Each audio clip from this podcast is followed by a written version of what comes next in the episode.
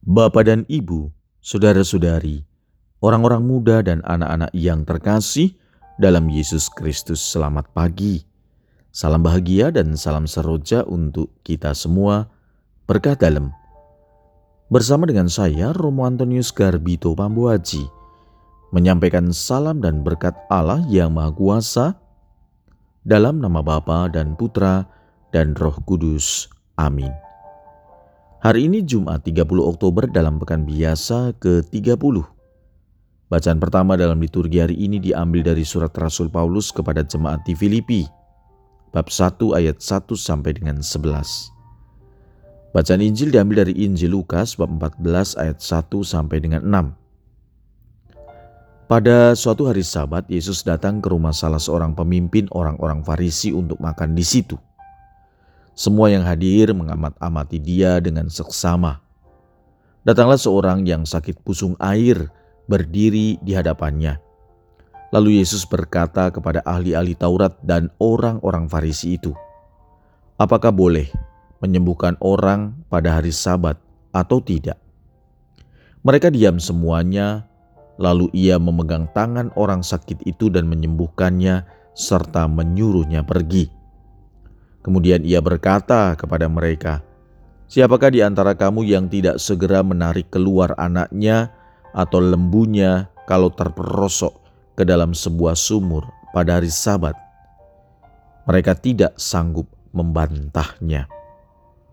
Demikianlah sabda Tuhan, terpujilah Kristus.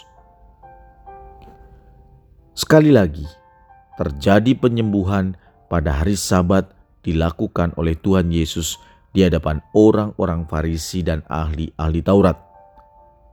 Hal itu dilakukan bukan untuk menentang hukum Taurat, namun ia mau menunjukkan kepada orang banyak cintanya akan kemanusiaan. Dalam hal ini Yesus menunjukkan kematangan pengetahuannya tentang apa yang benar, tentang tepat dan pentingnya ketika berhadapan dengan situasi-situasi yang sangat menantang dalam kehidupan. Yesus sangat berani menerobos hukum formal demi menjunjung tinggi nilai-nilai luhur, yakni kehidupan manusia. Saudara-saudari, mari kita senantiasa bertekun dalam iman dengan mencari pemahaman dan pengertian yang benar tentang iman dan nilai-nilai yang hakiki yang pada akhirnya akan membantu kita dalam membuat keputusan atau tindakan yang tepat.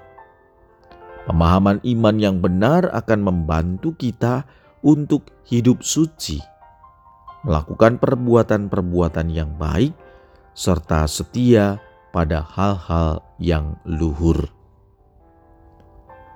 Marilah kita berdoa.